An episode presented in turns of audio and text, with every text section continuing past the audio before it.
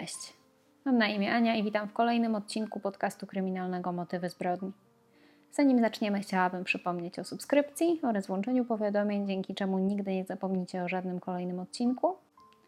A także zachęcam do dołączenia na grupę facebookową, gdzie dzielę się z Wami zdjęciami, materiałami, z których korzystałam, a także zachęcam Was do dyskusji na temat omawianych spraw i innych ciekawych spraw kryminalnych, które dzieją się obecnie bądź o których chcielibyście w przyszłości usłyszeć. Często jesteśmy rodziną, żyjemy pod jednym dachem, ale wydaje nam się, że wszystko jest w porządku. Nie zdajemy sobie sprawy z tego, że ktoś może mieć tajemnicę, że coś może być nie tak, jak wygląda, że coś może kogoś dręczy. I wtedy dzieje się coś, czego nie rozumiemy. I nie jesteśmy w stanie zrozumieć, bo nam się wydawało, że wszystko było w porządku. Zapraszam na odcinek. Dzisiaj przenieśmy się do Koźmina Wielkopolskiego, miasta położonego w województwie wielkopolskim, jakieś 15 km od Krotoszyna. Jest to niewielka miejscowość. Według danych z 2010 roku liczy jakieś 14 tysięcy mieszkańców. To właśnie tam w 2013 roku mieszka 48-letni Sławomir Suszczyński wraz z żoną Cecylią. Para ma dwie dorosłe córki, jedna z nich mieszka w Szwecji i ich życie wydaje się układać w najlepsze. Pan Sławomir jest biznesmenem, prowadzi firmę budowlaną w Koźminie i mężczyzna jest dość znany w okolicy. Jest też bardzo odpowiedzialnym mężczyzną i szanowanym przez innych sąsiadów, znajomych. Na przykład wiceburmistrz Koźmina wspomina współpracę z panem Sławomirem, wspomina, że był godnym zaufania, solidnym wykonawcą. Współpracowali razem, kiedy pan Sławomir i jego firma byli podwykonawcą przy budowie oczyszczalni w, w Koźminie. Natomiast e, poza tym, że Państwo suszczyńscy prowadzili biznes budowlany, to pani Cecylia pracowała na co dzień też w drogerii w Koźminie. Córka pana Sławomira Córka pana Sławomira wspomina, że jej tata nie był osobą zbyt wylewną, nie mówił zbyt wiele na temat swoich problemów, na temat swojej pracy, tego o czym myśli, natomiast zawsze był osobą pogodną i pozytywnie nastawioną do świata. W czwartek 25 kwietnia 2013 roku pan Sławomir jak co dzień wychodził z domu do pracy. Powiedział żonie tylko do jutra i wyszedł.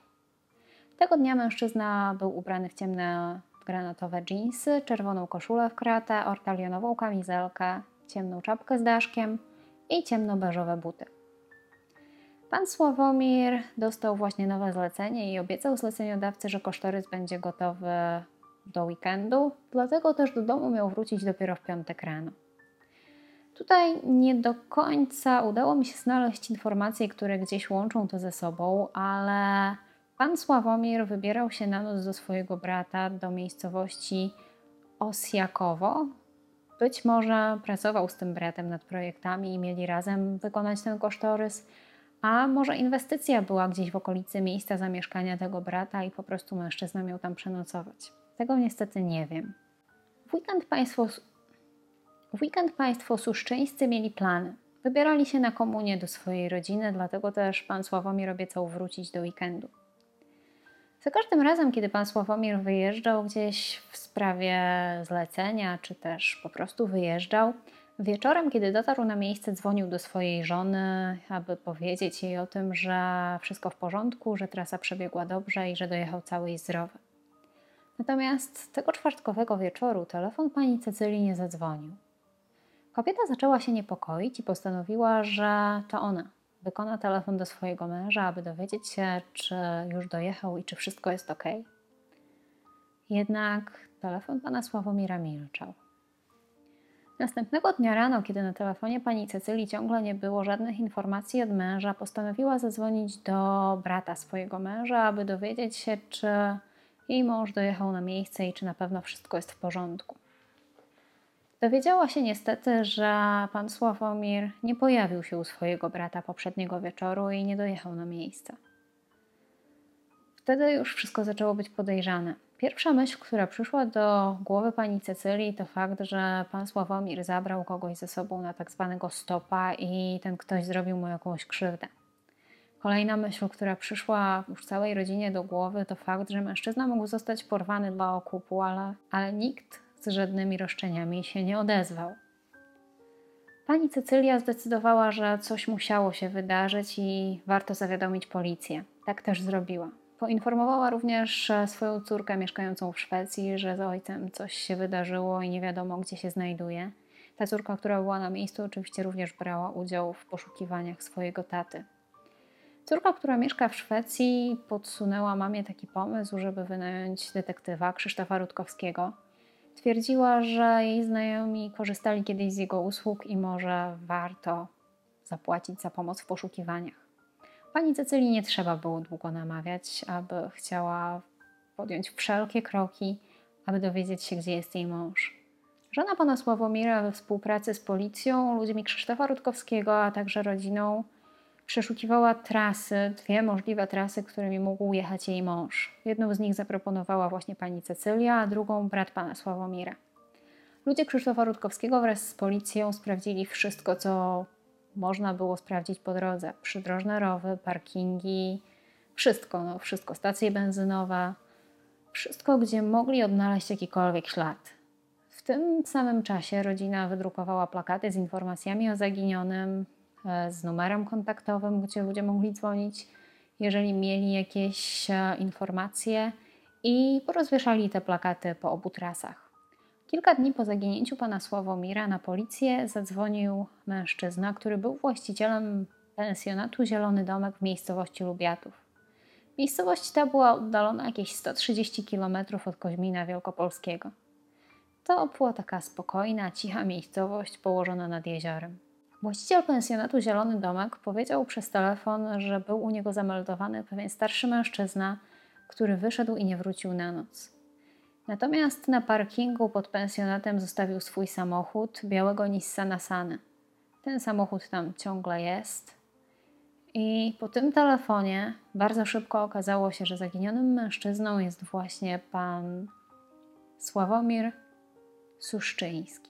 Według informacji, które udało się uzyskać od właściciela pensjonatu, mężczyzna spędził tam dwie noce. Przyjechał czwartek 25 kwietnia i był bardzo małomówny, nie szukał z nikim kontaktu, nie chciał rozmawiać i raczej spędzał czas zamknięty w pokoju. Śniadania i obiady jadał w pobliskim barze u Majki. Mężczyzna był w pensjonacie po raz pierwszy. Został tam skierowany przez barmankę z baru u Majki, gdzie też mężczyzna zatrzymał się po drodze, aby zjeść obiad. Zapytał wtedy, czy gdzieś tutaj można przenocować. I kobieta wskazała mu pensjonat Zielony Domek. Mężczyzna poprosił o pokój na trzy noce z możliwością przedłużenia. Kelnerka z baru u Majki, gdzie mężczyzna się zatrzymał na ten pierwszy obiad i później też się stołował, wspomina, że pan Sławomir wyglądał na bardzo zmęczonego. Na takiego człowieka, który chce od tego wszystkiego po prostu zwyczajnie odpocząć. Co ciekawe, Mm, takim dość ciekawym aspektem jest właściwie to, jak i dlaczego pan Sławomir znalazł się w ogóle w tym miejscu. Droga, którą miał pokonać tego dnia mężczyzna, prowadziła w zupełnie innym kierunku. Mężczyzna miał jechać z Koźmina do Odolanowa, Ostrzeszowa, Kępna, Wielunia i ostatecznie do Osjakowa. Kolejną ważną informacją jest fakt, że gdyby pan Sławomir jechał bezpośrednio w to miejsce, to podróż powinna zająć mu dwie godziny. Natomiast zajęła pięć.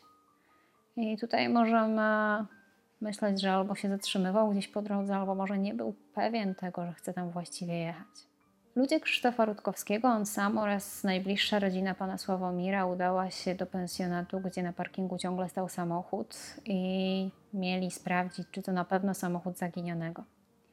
Córka i żona pana Sławomira potwierdziły, że samochód należy właśnie do niego. Okazało się również, że w bagażniku zostały jego rzeczy. Została tam torba, którą mężczyzna wziął ze sobą na wyjazd. Zostały dokumenty firmowe oraz e, otwarty atlas, którego mężczyzna najprawdopodobniej używał, aby dotrzeć w tamto miejsce. Auto miało też pusty bak. Policja pokazała również żonie i córce pana Sławomira nagrania z monitoringu, gdzie widać jak w sobotę około 5 rano mężczyzna opuszcza pensjonat. Idzie spokojnie, mija parking, na ręku ma przewieszoną torbę z jakimiś rzeczami i powoli udaje się w przeciwnym kierunku. I córka i matka potwierdziły, rozpoznały, że był to pan Sławomir. I to było ostatnie miejsce, gdzie ktokolwiek widział mężczyznę całego i zdrowego. Policja od razu podjęła decyzję o przeszukaniu lasów w okolicy miejscowości, gdzie mężczyzna był widziany po raz ostatni. Jak wspominałam, jest tam również jezioro, ale przeszukaniem jeziora zajęli się już ludzie Krzysztofa Rutkowskiego. Jednak całe te poszukiwania nie dały zupełnie niczego. Postanowiono również sprawdzić e, dworce w Zielonej Górze oraz Poznaniu, które były takimi większymi dworcami w okolicy, a także, a także pytano w autobusach i pociągach, które jeździły z tej miejscowości. Natomiast nikt nie poznawał pana Sławomira, nikt go nie widział, jakby mężczyzna zupełnie zapadł się pod ziemię. Krzysztof Rutkowski postawił sobie takie dwie główne hipotezy. Jedna z nich mówiła o tym, że mężczyzna świadomie wyjechał na zachód, aby rozpocząć nowe życie, a druga mówiła o świadomej ucieczce w bezdomność. Obie te rzeczy miały być spowodowane problemami osobistymi pana Sławomira. Pojawiły się także informacje, że mężczyzna miał spore problemy finansowe, jednak są to informacje nieoficjalne. Ludzie w Koźminie Wielkopolskim zaczęli plotkować właśnie między innymi o tym, że mężczyzna miał te problemy finansowe.